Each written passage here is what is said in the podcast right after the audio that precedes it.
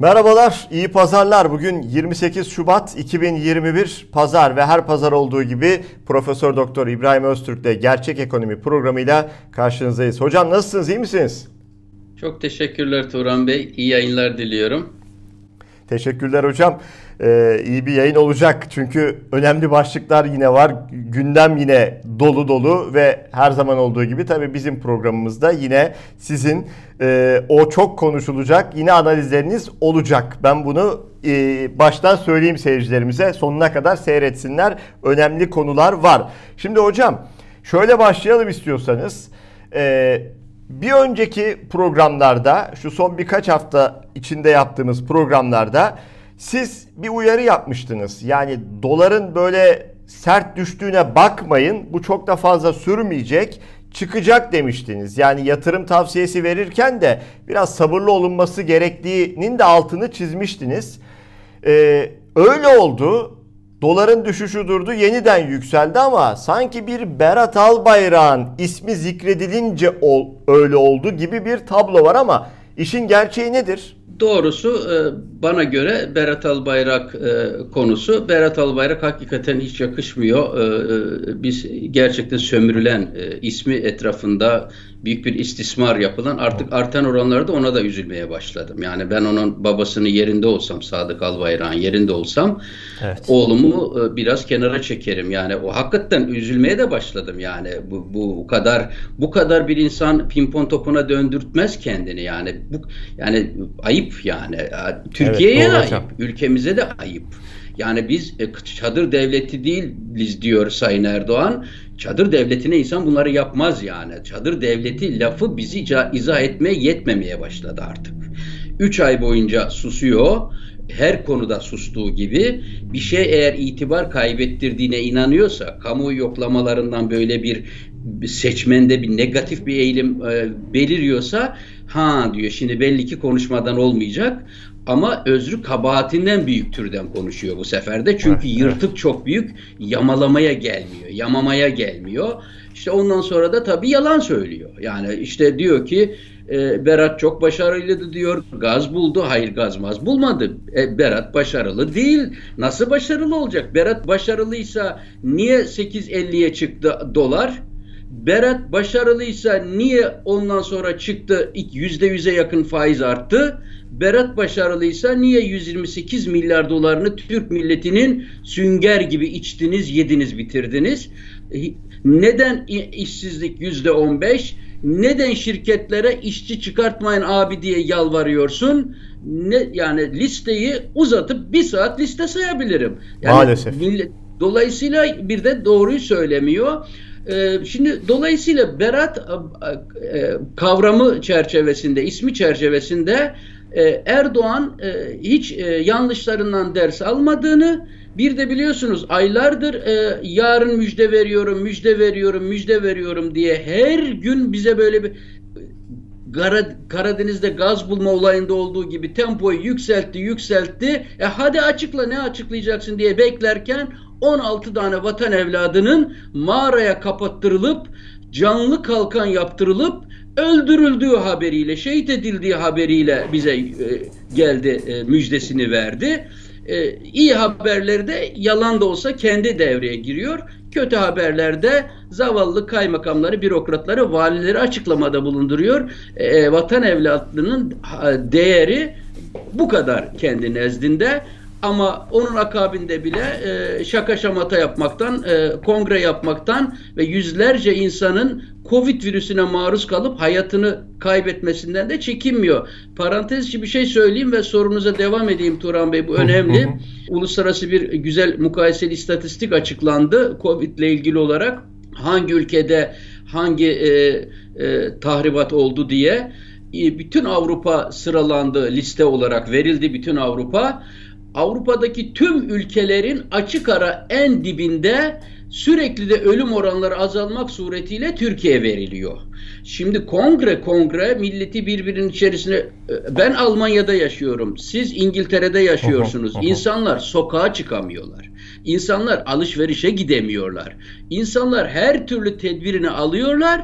Buna rağmen vaka sayıları çok korkunç yüksek. Ölüm sayıları 500'ün üzerinde. Öyle. Cumhurbaşkanının kendi elleriyle lebalep doldurduğu cenazeler, e, kongre salonları e, bilmem ne bilmem ne buna rağmen kime inandıracaksın? Hayır Türk ben size söyleyeyim Türkiye'de günlük ölüm oranlarının bin taneden aşağı asla olduğunu düşünmüyorum, inanmıyorum. Ama yapacak bir şey yok. E, neyi kimle denetleyeceksin? Sağlık Bakanı e, özür dilerim e, ne diyecek? Ben bu Cumhurbaşkanı böyle yapıyor, yanlış mı yapıyor diyecek. Orada suçu üstüne aldı. Kongrede suçu sahipsiz bile bıraktı. Oraya laf bile edemedi. Diyemedi ki ne yapayım biz ya bir şey diyemeyiz yani Cumhurbaşkanı böyle yapıyor. Yani ke, ne kendisine helal olan her şeyi halka haram kılan, e, üç tane genç Boğaziçi'nde bir araya gelince İstanbul valisine Covid var salgın pandemi var çıkamazsınız sokağa diye sokağa çıkamazsınız diye açıklama yaptırttırıyorlar.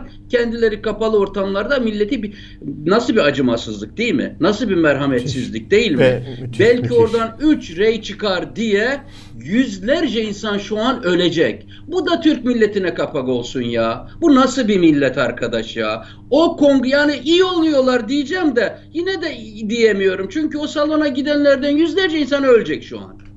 Biz yine demeyelim hocam. Duymayacak. Demeyelim. Haberlerini evet. bile temenni değil ama öngörmek zor değil. Haberini bile millet duyamayacak maalesef. Neyse konuya dönelim. Şimdi dolayısıyla e, Erdoğan'ın e, sürprizlerinin olmadığı anlaşıldı. Ha bir sürprizi daha var iğneden ipliğe her şeye zam yapıyor biliyorsunuz. E, bu zamlar nedeniyle ekonomik durgunluğun dibinde de enflasyon hala çıkış trendinde. Şimdi bu dövizin çıkmasındaki bir numaralı sebebe geldik böylece. E, hmm. bütün baskıya rağmen enflasyon çıkıyor. Çünkü zam üstüne zam olunca enflasyon artar.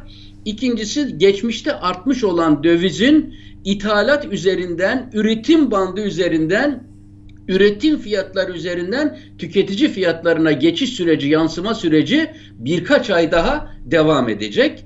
Hele bir de petrol ve e, emtia fiyatları artış sürecine giriyor. O önümüzdeki dönemde yine Türkiye'nin e, e, e, cari açığını ve ma ithalat maliyetlerini artıracak. Dolayısıyla bir bu görüldü. Diyor ki piyasalar enflasyon e, çıkmaya devam ederken yüzde o resmi rakamlar artık. Bizim rakamları resmi. zaten konuşmuyoruz. Ama resmi rakamlara bile yüzde on yedi yönünde çıkarken sen bana aylardır faiz artıracağım diyorsun ama kandırıyorsun. Artırmıyorsun.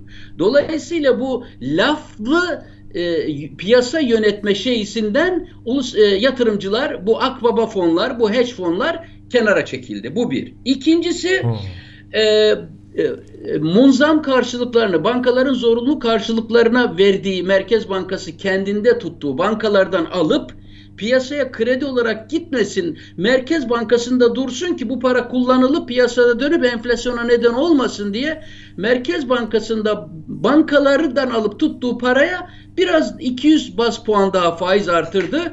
Bu da Merkez Bankası'nın daha önce söylediklerine aykırı. Merkez Bankası demişti ki biz sadece politika faiz oranı üzerinden konuşacağız piyasalarla. Burada kararlılığımızı göstereceğiz. Bu çok önemli. Daha önceki dönemlerde olduğu gibi arka kapılardan, e, arka e, uyduruk yollardan e, bu hareketleri yapmayacağız. Şimdi bunu da yapınca anlaşıldı ki Merkez Bankası gerçekten bir baskı altında konuşuyor ama yeni yönetimde yapamıyor. E, bir başka husus tabii ki biliyorsunuz Cumhurbaşkanı o meşhur artık uluslararası alanda e, dalga geçme konusu olan e, enflasyonun nedeni faizlerdir. Faizler düşünce enflasyon düşer e, demişti. Faizleri yüzde sekize düşürdüler. Enflasyon gitti çıktı yüzde on beşe resmi rakamlara göre. Aynı şey 2018'de demişti. Enflasyon gidip çıkmıştı yüzde yirminin üzerine. Dünyada enflasyon yüzde iki bu arada yani bu arada. Evet. Dolayısıyla bu bir daha bir daha görüldü yani. E, Erdoğan'ın saplantılarından ve inadından vazgeçmediği meşhur kendi söyledi zaten. Biz dedi bu ülkeyi inatla yönetiyoruz dedi. Başka nasıl desin? İnadına yapacağız diyor. Ya inadına yapıyorsun ama babanın parasını harcamıyorsun. 128 milyar doların bozdurup cebine koyduğun komisyonu hariç milletten gidiyor. İnadına yapıyorsun Türk milletinin birikimi Covid'de ölüyor. İnadına yapıyorsun Türk milletinin 35 askeri İdlib'de Ruslar tarafından parçalanıyor. Bakın o gözlem kulelerinden o parça e, askerlerimiz öldükten sonra tıpış tıpış geri çekildi. Ve bunu basını yazmıyor. Sen o gözlem kulelerinden geri çekilecek değilsen kendi evladı iyalini askerden kaçırırken Türk milletinin çocukları simit mi? Susam mı? Nasıl kıyıyorsun onlara orada? Bunlar tabi böyle. Dolayısıyla uluslararası piyasalar Erdoğan'ın bir reform yapmayacağını, iki hı hı. beklenen müjdeleri e, vermediğini, üç faiz artırmaya yasak koyduğunu ve müdahale et. Ama biz bunu demiştik Turan Bey. Ne demiştik? Demiştik ki manevra alanı bitti Tahterevallı'da artık inme kalkma mesafesi neredeyse hareket edemez hale geldi. E, faiz işte bakın şu an Türk şirketleri belki fırsat bulursak onu konuşuruz bulamazsak da şimdi söyleyeyim. Türk şirketleri yüksek faiz altında şu an toplu bir şekilde batmanın eşiğinde işçi çıkarmaları yasak, Konkardo'da ilan etmeleri yasak ve Erdoğan e, başını gözünü kırarak bir seçime alma aşkına bu şirketlere komünizm politikası uyguluyor. E, ve az e, nefes alındığında çakma bir seçimle yeniden kendini kurtarırsa böyle binlerce şirket bir gecede çökecekler böyle. Hepsi nefes nefese borcunu borçla döndürmek suretiyle tefeciğin eline düşmek suretiyle ayakta kalmaya çalışıyorlar şu an. Dolayısıyla bu ortamda e, e, devam etmeyeceği anlaşıldığı için risklerde tavan yaptığı için ama dış dış ayağı da var bunun. Hepsi iç ayağı da. Elbette.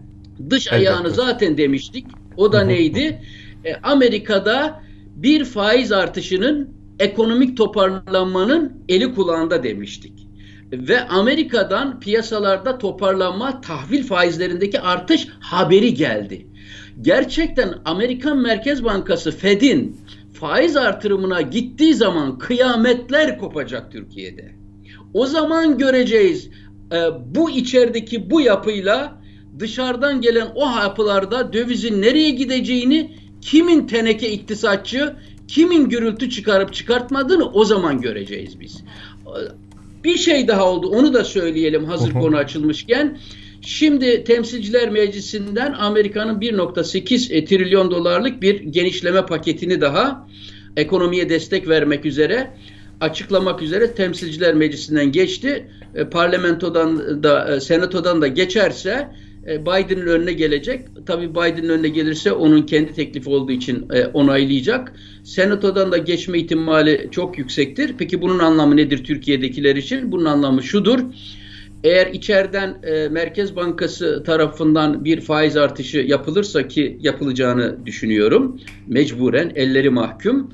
E, hatta yapmamış olduklarına şu an çok sevin e, üzülüyorlar. E, biliyorsunuz döviz e, sadece Aha. 7 günde 19 Şubat'la 26 Şubat arasında döviz dünyada her tarafta biraz hareketlendi.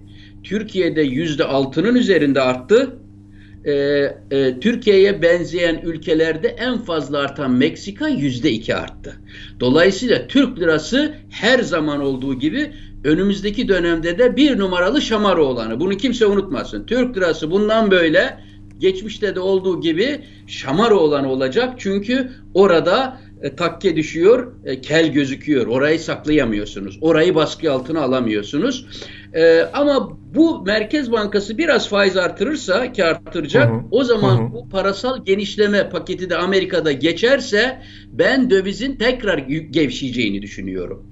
Tekrar 7 bandına doğru geri geleceğini düşünüyorum. Ama dediğim gibi hep böyle bir aylık, bir buçuk aylık işlerle ilgili konuşuyoruz. Türkiye'nin siyasi riskleri tavan yapmış durumda. Türkiye'de herkesin eli tuşlarda borsadan anında kaçmak üzere, döviz alıp kaçmak üzere, e, mevduattan çıkmak üzere. Herkes teyakkuzda bekliyor. Onun için tek bir ürüne yatırım yapmayacağız. Bir portföy oluşturup çoklu bir e, e, portföy oluşturacağız. Kazanç dönemi değil, kayıpları minimize edip dengelemeye çalışacağız. Panik asla olmayacağız. Akşamdan sabaha gelen kararlarla hareket etmeyeceğiz ve verdiğimiz kararlarda birazcık sabırlı olacağız. Şimdi bir başka önemli konu var. Onunla devam edelim. Halkbank'la alakalı hocam biliyorsunuz bir yargılama devam ediyor. Yargı süreci devam ediyor ABD'de ve biraz da gözler kulakta kulaklar orada çünkü bir ceza bekleniyor. Büyük bir ceza. Hatta buna dair belki sizin de dikkatinizi çekmiştir. Der Spiegel'de bir haber, e, geniş bir dosya yayımlandı. Özetle şöyle bir başlık var. Gözlemciler diyor en kötü senaryoda Halkbank'ın suçlu bulunması halinde burası önemli altını çizelim. Diyelim Halkbank suçlu bulundu. 20 milyar dolara kadar para cezası veya uluslararası bankacılık sistemi SWIFT'ten dışlanabileceğini söylüyorlar hocam. Bu konu neden önemli? Ben size şöyle sormuş olayım. Evet Halkbank suçlu bulunursa bu meblalar da kesilirse Türkiye ne yapar? Şimdi önce şöyle başlayayım Turan Bey. E, biz bu analizleri yapıyoruz. E, bize şöyle e, suçlamalarda, eleştirilerde bulunuyorlar. E, diyorlar ki e, eğer e, Halkbank suçlu bulunursa, Türkiye'nin kurumları ceza alırsa, Türkiye Cumhuriyeti ceza alırsa siz niye zevkten dört köşe oluyorsunuz e, e, diyorlar. E, biz niye zevkten dört köşe olalım? Ülkeyi yöneten irade e, ha, yanlış yapıp ülkemizi uluslararası alanda rezil kepaze edince ve biz bunu eleştirince ve olacakları öngörünce biz ülkemize haksızlık mı etmiş oluyoruz? Ne diyelim yani? Biz e, e, Erdoğan zor durumda kalacak diye ülkemiz adına e, Amerika'ya, Avrupa'ya her konuda Erdoğan'ın yanında mı yer alalım? Evet yani soru budur. Ne olursa olsun e, dışarıya karşı öyle. Hayır dışarıya karşı öyle değil. Dışarıda da içeride de milletimiz inim inim illetiyor.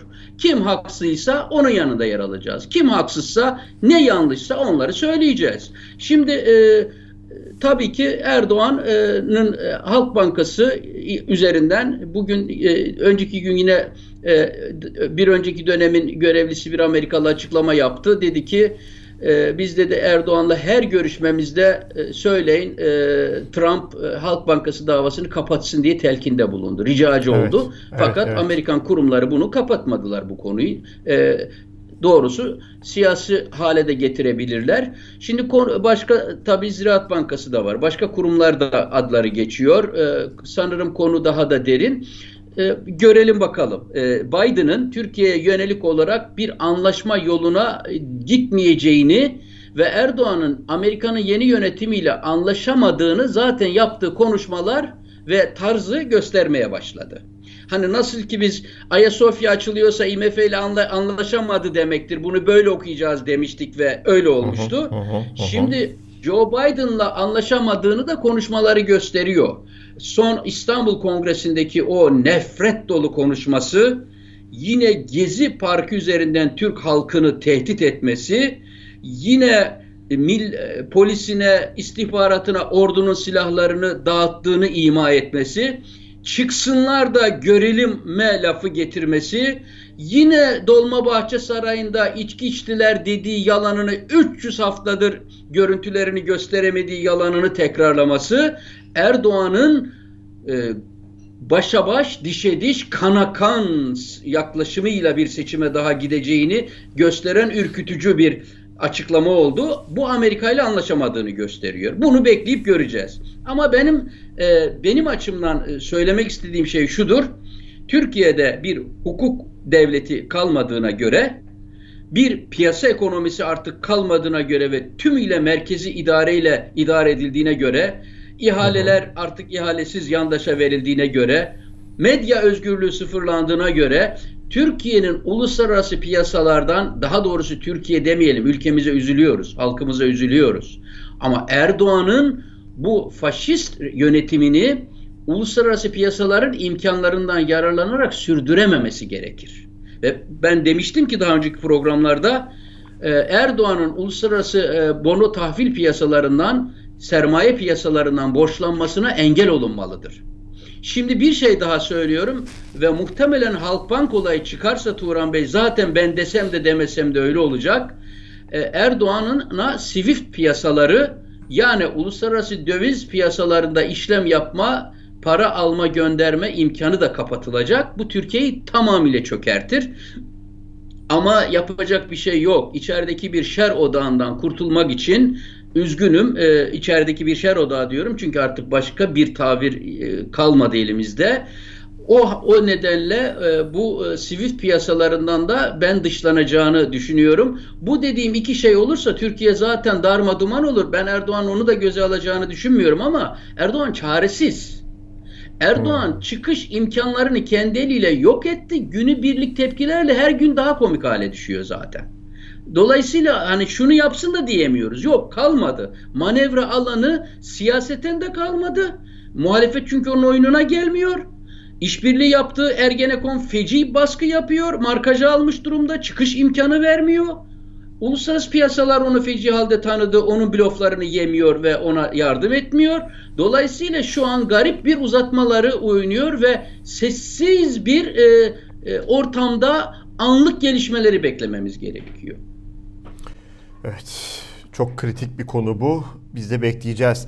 Şimdi hocam yani nasıl bir e, tablo var ki e, Diyanet TV Cuma hutbesinde açlıkla sınanırsanız isyan etmeyin öğütleri vermeye başladı. Yani merkezden tabii bu e, e, hutbe hazırlanıyor. Bütün hı hı. E, camilere dağıtılıyor ve e, imamların zaten bu doğrultuda e, vaazlar vermesi, e, sükunete e, teşvik etmesi e, isteniyor.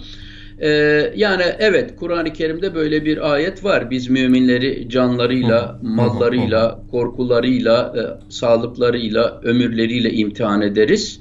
E, bu durumda da e, sabretmiş olmalarını e, bekleriz ve ödülleri büyük olacaktır manasında bir ayet vardır. Tabi bunun dibine başına, önün arkasına bakmak lazım. Hangi yerde ne amaçla neyi kastederek söyledi. Mesela şunu herhalde kastetmedi. Mesela saray debdebe yüzünde yüzerken, israfın dibine vurmuşken, Cuma'ya 500 Mercedes'le koruma ordu... Turan Bey siz biliyor musunuz? Biz hep Erdoğan'ın koruma ordusunun fotoğraflarını görüyoruz. Bilal Erdoğan'ın koruma ordusunu biliyor muyuz? Kızlarının koruma ordularını biliyor muyuz? Onların araba konvoylarını biliyor muyuz? Koca bir aile bir sülük gibi bir ülkenin üzerine çökmüş.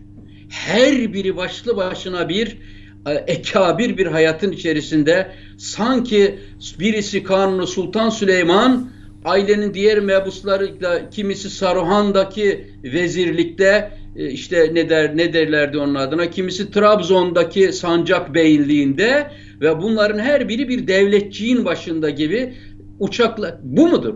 Kur'an-ı Kerim'in ayeti bunu mu söylüyordu? Saray böyle yapsın halkı ayaklar altında ezilsin mi yapıyordu mesela? Şu Diyanet İşleri Başkanlığı daha önce de bir utanç verici açıklama daha yapmıştı Diyanet İşleri Başkanı. Demişti ki fakirler ya üzülmeyin ya e, belki de biz sizi cennette kıskanacağız. Biz zenginler var ya orada da siz önde olacaksınız. Ne ayıp şeyler bunlar Hiç ya. Hiç sormayın. Hiç ne ayıp şeyler bunlar insanlığın önünde ya. Bakın Allah şu peki şu diyanetin şöyle açıklamalarında biz merak ediyoruz. İnsan olarak merak ediyoruz yani. Bir, sokağın ortasından insanlar transporterlarla kaçırılıyor. Bir insan ömrü, bir insan haysiyeti, arkada kalan aileler var. Mesela şu Diyanet İşleri Başkanı diyemez mi ki bunu dinimiz kabul etmez. Bu, bu bir cezalandırma şekli olamaz. Başka bir şey söyleyeyim. İnsanlar yargılanmadan Turan Bey cezasının ne oldu bilinmeden 4 sene yatıyor hücrelerde ve işkence yapılıyor. Evet. İşkenceyi Diyanet İşleri Başkanı'nın tanrısı kabul ediyor mu? Yargısız infaz edilmesini kabul ediyor mu? Peki Diyanet bir gün çıkıp da demez mi ki ya bir dakika bizim dinimiz insanların suçu ispat edilmeden yargılama yapılmadan bu safahatlar geçmeden insan ömrü azizdir. İnsan onur ve haysiyeti azizdir. Sen terörist damgasını vurarak bir insanı toplumun önüne manşete taşıyıp beş sene yargılamadan içeride yatıramazsın. Bunu bu din demez mi ya? Şimdi onu demeleri için Diyanet'in Allah'a bağlı olması gerekiyor ama saraya bağlı olduğu için sarayın dediklerini anlatıyorlar. Allah'ın dediklerini değil. Profesör Mustafa Şentop'un meclis başkanı Mustafa Şentop'un lafına geldik. Ne dedi? Yazıklar olsun. Ben bu adamlarla geçmişte selamlaştım. Yazıklar olsun. Onlara da yazıklar olsun, bana da yazıklar olsun. Ben bu adamları tanımamışım diye. Diyor ki üniversiteler diyor otonom nereden çıktı bu diyor ya. Devlet veriyor paralarını. O üniversitenin bağımsızlığı olur mu? Devlet finansmanını karşılıyor ama bilim devlete sorarak yapılmıyor ki. Laboratuvarlar devletin kanununa göre çalışmıyor. Fizik kanunlarına göre çalışıyor. E şimdi de demeye getiriyorlar ki bir dakika biz bu diyaneti finanse ediyoruz. Finanse eden fetvayı da alır. Yazıklar olsun. Allah'ın dinini arıyorduk. Devlete din üretmişler. Ne zaman kral çıplak denirse Diyanet cepheye çıkıyor. E, ne zulme itiraz ediyor, ne israfa itiraz ediyor.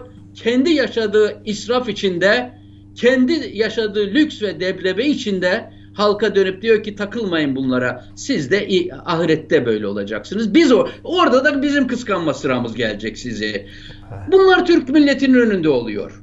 Bunlar Türk milletinin önünde oluyor. Yapacak bir şey yok çok fazla.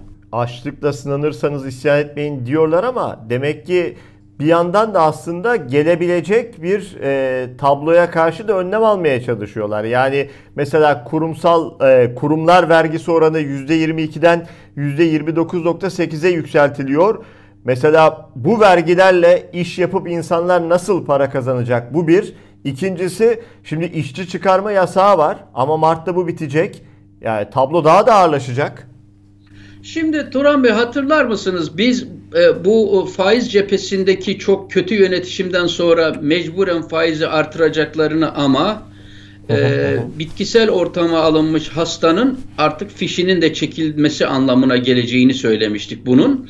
Bu faizle birlikte zaten Erdoğan'a gelen tepkilerden bu e, şirketlerin çöküşün eşiğine geldiğini zaten çevresi söylüyor ona, görüyor. Kamuoyuna söylemiyor. O yine Mart havalarına devam ediyor. 2023'te dünyanın 11. ekonomisi falan filan o saçma sapan laflara devam ediyor ama gerçeği biliyor tabi.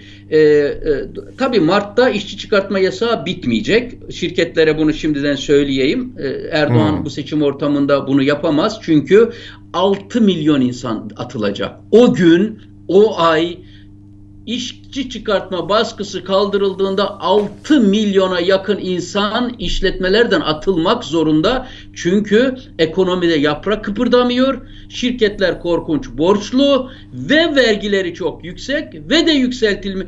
İşte e, tabuta çivi çakılıyor demiştik. Diyanet çivi çakılmış bu tabutu kabristan'da şu an başında sela okuyor. Başında talkin veriyor başında hutbe okuyor. Diyanet Erdoğan'ın öldürdüğü Türk ekonomisinin, Türk emekçisinin, halkın selasını okuyor şu an.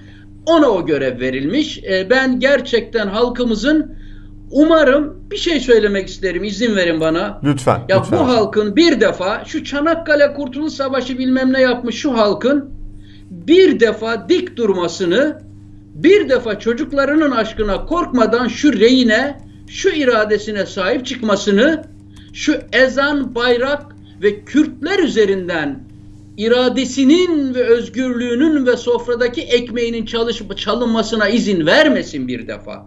Bakın her sıkıştığında ezanı deniyor, bayrağı deniyor, gençlere terörist diyor. Yine bu seçimde yine Kürtlere hedef almış durumda. Yine milletin seçtiği vekilleri parlamentodan kovuyor ve onlara yargısız infaz yapıp terörist diyor. Halbuki elinde bir kanıtı yok ve vekillerin e, ancak cezalandırılması bir daha vekil olmamaları durumunda mümkün olabilir ve halk onları seçmezse olur. Ben halkımıza onu söyleyeyim yani. Yine bu seçime bayrak üzerinden, ezan üzerinden, tecvidli Kur'an üzerinden ve Kürtleri yeniden bu kardeşlerimizi adeta günah keçisi yapıp topun ağzına koyup ülkemizden psikolojik olarak kopartma üzerine kurulacak. Umarım yeni İyi Parti, umarım muhalefet, umarım halkımız bu oyuna bir daha gelmez. Çünkü bu sofranıza uzanan son ekmek olacak. Artık önünüzde bir seçim sandığı da kalmayacak. itiraz edeceğiniz bir merci de kalmayacak. Bakın size bir şey söyleyeyim. Dün bir sosyal medyada bir kızcağızın tweetini okudum Turan Bey. Gerçekten e, yani e, sosyal medyaya girme cesaretim bile kalmadı bu haberlerden dolayı.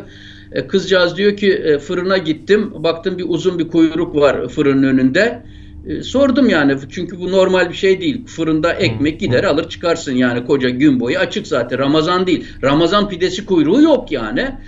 Orada bir yaşlı amca dönmüş demiş ki kızım demiş sen taze ekmek alacaksan beklemene gerek yok içeri geçebilirsin. Bu kuyruk indirime girmiş satılmamış dünden kalmış bayat ekmekler kuyruğudur.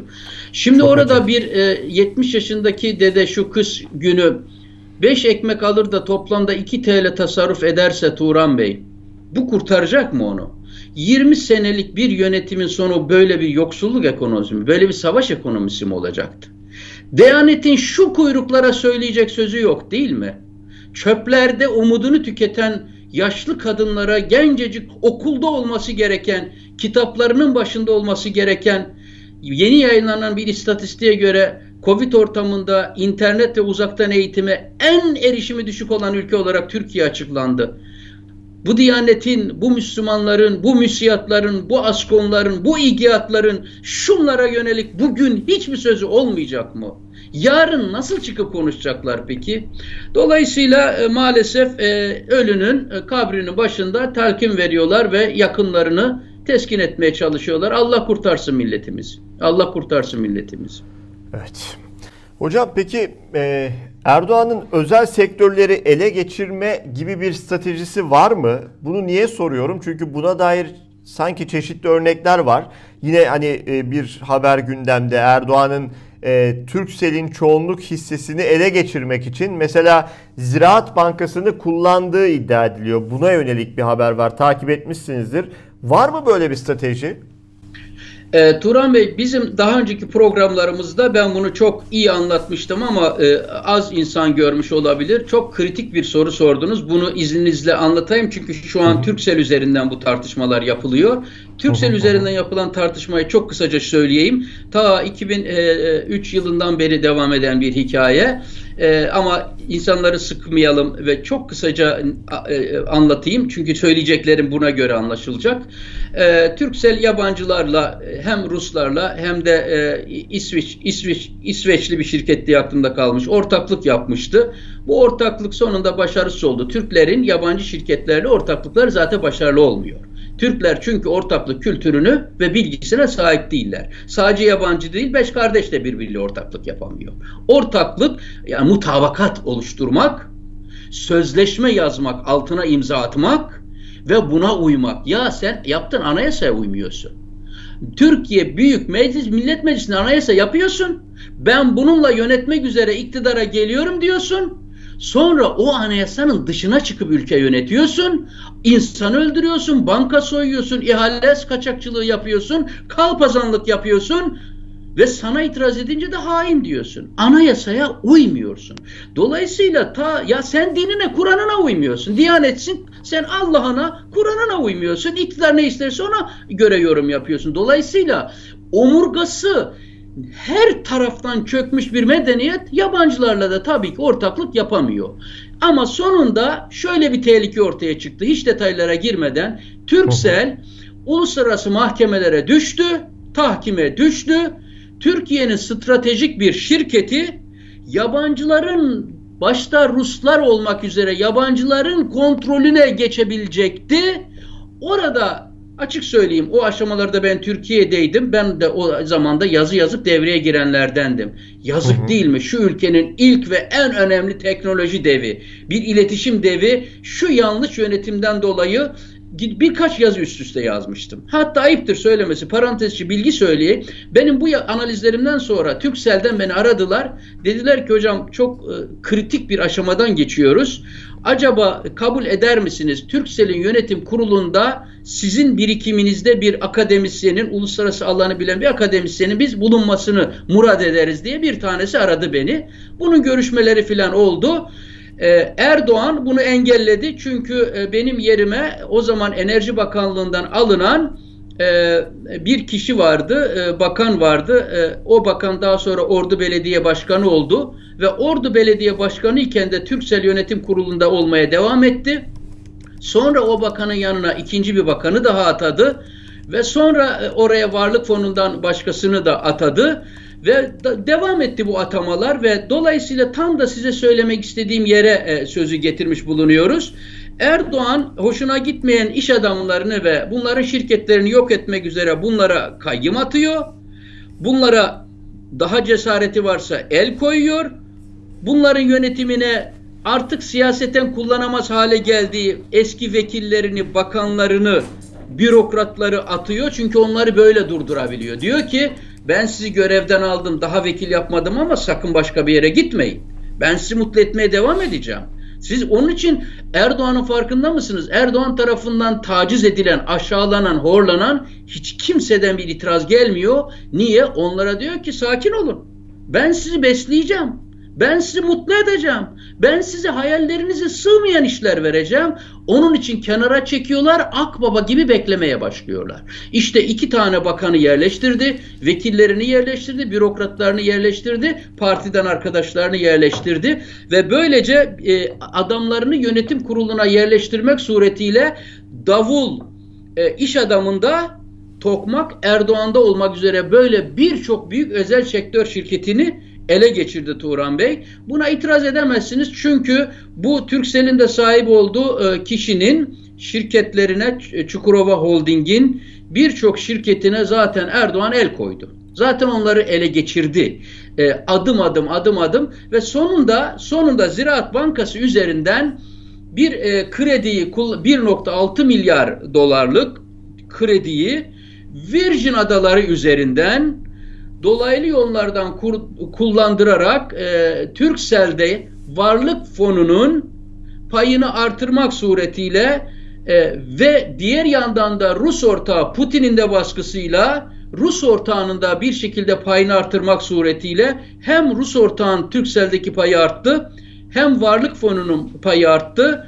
Ve böylece şunu söylemeye çalışıyorum Turan Bey e, vergi memurlarıyla cezalandırarak denetimle cezalandırarak, el koyarak, kayyım atayarak, e, adam atayarak şirketlerin sahiplerini e, e, pusturuyor ve onları siyasetin emrine sokuyor. Siyasetin emrine sok. Türksel mesela Varlık Fonu'nda da biliyorsunuz az önce söyledim. Varlık Fonu da onda pay sahibi.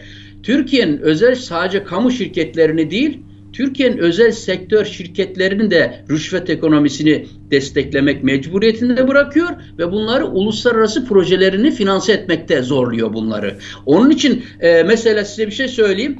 1983 yılından beri Ziraat Bankası Amerika'da şubesi olan bir bankaydı. Halk Bankası gibi Ziraat Bankası'nı da bu işlerin içerisine sokunca korkudan 35-40 sene sonra Türkiye'nin koca Amerika'da birkaç tane e, şubesi olan Ziraat Bankası pılını pırtısını toplayıp şubesini kapatıp Türkiye'ye kaçtı oradan. E, dolayısıyla e, Türkiye'nin yurt dışındaki bütün itibarı, kredibilitesi, kurumları maalesef Erdoğan tarafından yok ediliyor. Bugün Türkiye'nin özel sektör şirketi diye bir şirketinin kaldığını zannetmiyorum. Bunların hepsi Erdoğan'ın düzenine hizmet etmek zorundadırlar. Aksi takdirde yaşatmaz. Hatırlar mısınız daha bir iki hafta önce demiştim ki Erdoğan herkesi anladığı dilden tehdit edebiliyor. Yüzlerce İş Adamı Derneği'nin başkanını, sanayi odalarının, ticaret odalarının başkanlarını, sivil toplum kuruluşlarının başkanlarını bana destek vermezseniz iki günde FETÖ'cü yapacağım sizi deyip rüşvete boğmuş durumda. Dolayısıyla durum maalesef e, bu şekilde devam ediyor. Bugün bu modundayım. Yine söyleyeyim Diyanet modundayız ya. Yine söyleyelim Allah kurtarsın milleti. Hocam son olarak e, kapatırken şimdi zaman zaman e, seyircilerimiz tabi programın altına yorumlar da yazıyorlar. Sorular da soruyorlar. Bunları okumaya çalışıyoruz. Ben bunları bazen size aktarıyorum da. E, onlara cevap da veriyorsunuz. E, yani size mesela taraf mısınız? E, ya da nereye tarafsınız gibi bir e, soru da geliyor. Ben de sormuş olayım hocam sizin tarafınız ne? E, ne ayaksın diye soruyorsunuz. E, ben buna cevap vereceğim. E, fakat e, zaten sanki bu soruyu bana soracağınızı hissetmişim gibi farkındaysanız bu programda artık e, tarafsızlık marafsızlık gibi bir argümanımız kalmadı. Allah Yok. kurtarsın diye milletimize dua ediyoruz. Türkiye'deki bu diktatörlük gidişi dursun diye e, borçlanma mekanizmaları kapatılsın diye milletten, e, uluslararası piyasalardan ricacı oluyorum. Dolayısıyla zaten hiç bu programımı seyreden bir kişinin benim tarafsızlıkla ilgimin, alakamın olmadığını anlaması lazım hemen. Dolu doğrusu tarafsızlık denen kılıksız, omurgasız ta, lafa hayatım boyunca itibar etmedim. Biz doğru dururken neyin tarafı olacağız? Zulüm dururken neyin tarafı olacağız? Vicdansızlık dururken neyin tarafı olacağız? Tabii ki hakkın yanında olacağız. Tabii evet. ki milletin yanında olacağız. Tabii ki yarının çocuklarının yanında olacağız. Gençlerin yanında olacağız ve anayasamızın yanında olacağız kurumlarımızın yanında olacağız. Dolayısıyla ben e, hiç kimse o yorumları boşuna yapmasın. Aklını kullansınlar. Ben tarafsız filan değilim. Ben ülkemin, halkın, ezilenlerin, sömürülenlerin yanındayım. Sömüren diyanetin, emperyalist diyanetin, emperyalist siyasetin, baskıcı siyasetin, yolsuz siyasetin e, zorbaların karşısındayım ve ben e, böyle ölmek isterim. Ve bir şey söyleyeyim size hatta böyle ilginç bir hikaye anlatarak bitirmek istiyorum bu vesileyle evet. ve sonunda sürpriz bir yere bağlamak istiyorum. Bir sırça köşk hikayesi çok kısaca anlatayım size. Böyle üç tane tembel arkadaş e, sadece yan gelip yatmaktan hoşlanan, hiç ellerini kıpırdatmayan, hiç emek vermeyen Ondan bulunan otlanarak gezen üç e, vatandaş e, bir seyahate çıkmışlar ve yürüyerek sonunda bir şehrin bir tepesine gelmişler. Tepeden o şehre bakmışlar. Demişler ki şu şehre inelim bakalım burada ne kadar otlanabiliriz. E, ama birisi demiş ki burada bir proje geliştirmemiz lazım. Biz bu şehirde bir sırça köşk yapalım. Sırça köşk biliyorsunuz camdan yapılan şeffaf bir e, köşk gibi bir şey.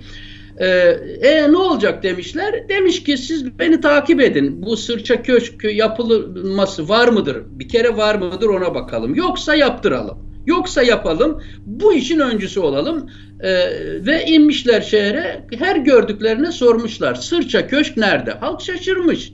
Nedir ki sırça köşk demişler. Biz yok böyle bir şey burada. Ne olduğunu da bilmeyiz. Onlar da hayal gücünü kullanarak demişler ki sırça köşk çok mühimdir. E, bereketlidir, sırlıdır, esrarlıdır, sırlar odaları vardır, e, zemzem odaları vardır, nurlar odaları vardır.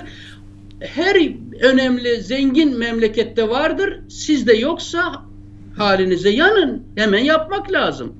Halk bütün merakı üzerinde demişler ki ey ulu kişiler siz bunu madem biliyorsunuz bize anlatın. Biz neyimiz var yok e, harekete geçirelim ve bu sırça köşkü yapalım.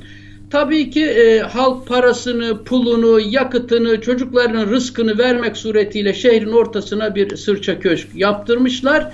Tabii bu köşk yapılır ki bu üçlü e, akıllı akıllı halkı beynini şekillendirmeye devam etmiş ve demiş ki tabii ki bu köşkte kim yaşayacak? E, bu üç tane ulu zat yaşayacak. Bu uğurlu zat yaşayacak. Bu şehrin ulu ekmeği, rızkı buradan gelecek. Tabi e, e, köşk yapılmış, halk orada yaşamaya, e, onlar yaşamaya başlamışlar e, ve fakat tabii ki e, sarayın temizlikçileri, sarayın sırça köşkün bekçileri, şunlar bunlar derken şehirden istihdamlar başlamış, sarayın itibarı e, önemli olduğu için. Fakat halk gittikçe fakirleşmeye başlamış, sarayı memnun etmek, sarayı beslemek, sarayın görevlilerini istihdam etmek, maaşlarını vermek için sonunda e, halk e, en ellerinde kalan son koyunlarına kadar e, vermişler oraya. Fakat artık umutsuzca gelecekleri karartmış. Biz ne yaptık? Buraya ne yaptırdık? Hani ekmek gelecekti, aşk gelecekti, özgür olacaktık, mutlu olacaktık. Bunlar yiyip yiyip bitiriyor. Üstelik baş kaldıramayalım diye de artık sarayın ordusu da var. Sarayın polisleri de var. Sarayın korumaları da var. Biz bunlara gidip derken saraydan demişler ki ey ahali biz sizi düşünmez miyiz? Son verdiğiniz koyunları yemeye içimiz el vermedi. Koyunların kafalarını size verelim. Siz yiyin. Birlikte yiyelim bunları. Halk koyunların kafalarını alınca bakmışlar ki onun kafalar da soyulup etleri yemiş. Kafanın kemiği atılmış halka. Çok öfkelenen halk umudunu da kaybettiği için ellerindeki e, koyun kafalarını sırça köşke fırlatınca Sırça Köşk birkaç saat içerisinde tuzla buz olup yıkılmış, yok olmuş ve o e, sahtekarları şehirlerinden kovmuşlar. Buradan iki ders çıkartmışlar. Demişler ki size siz fakirleşin, Sırça Köşk'te yaşamak mühimdir. Sırça Köşk sizin onurunuzdur. itibarınızdır diyenlere itibar etmeyin. Ama bir defa kandırılmazsanız unutmayın o sırça köşke halk iradesi yönelirse o sırça köşkü yıkabilir ve o köşkten özgürlüğüne tekrar dönebilir. Şimdi bu sırça köşk hikayesini yazan kişinin adı Salat, e, Sabahattin Ali. Sabahattin evet. Ali Sırça Köşk hikayesinde bunu yazdı. 41 yaşında ülkesini evet. Meriç Nehri'nden terk ederken arkadan vurularak öldürüldü. 26'sı onun 100 e, kaçıncıydı not almıştım buraya. E, Sabahattin Ali'nin 114. doğum günüymüş. Bu vatan evladı işte bu hikayeleri yazdığı için ülkesinde yaşayamaz hale e, düşürülmüştü ihbar mektuplarıyla, ispiyonlarla. Sırça Köşk hikayesini bu vesileyle Recep Tayyip Erdoğan'ın genleri üzerinde oynanan halkımıza bir şeyleri hatırlatsın diye bırakarak buraya tarihin hafızasına bitirelim. Ben de bir Selahattin'im. Ben de bir Sabahattin Ali'yim. Ben de e, e doğrusu Sinop cezaevine gittiğim zaman onun Atatürk döneminde yattığı, Sinop cezaevinde yazdığı başın öne eğilmesin türküsünü okurken insanların neler çektiğini orada duymuş e, ve yaşamıştım. Herkes başın öne eğilmesin türküsünü söylesin. Özgürlüğüne, çocuklarının geleceğine, onur ve haysiyetine sahip çıksın diyorum. Ne güzel söylediniz hocam. Yani birazcık aslında e, geçmişiz geçmişimizde bu ülkenin geçmişinde çok da aslında ibret alınacak acılar var. Çok değerli şahsiyetler var. Onlar aslında e, vefat ederlerken de e, bu halka kendi hayatları üzerinden önemli dersler bırakmışlar. Alınmış olsaydı belki bugün bu tablolar yaşanmazdı. Yeni yeni e, dersler oluyor, yeni yeni değerli isimler oluyor, yeni yeni insanlar hayatlarını veriyorlar özgürlük uğruna, e, adalet uğruna. Bundan sonrakiler ders alır mı bilmiyorum. O anlamda da ümidimizi sadece kaybetmeyelim diyelim ben de. Çok teşekkür ediyoruz hocam. Ağzınıza sağlık. Haftaya görüşmek üzere. Görüşmek üzere. Hoşçakalın. Evet bir programın daha sonuna geldik. Bir hafta daha bizimle olduğunuz, programı seyrettiğiniz, yorumlarla destek verdiğiniz, yayınları beğendiğiniz için çok çok teşekkür ediyoruz. Haftaya bir başka Gerçek Ekonomi programında daha görüşmek üzere. Hoşçakalın.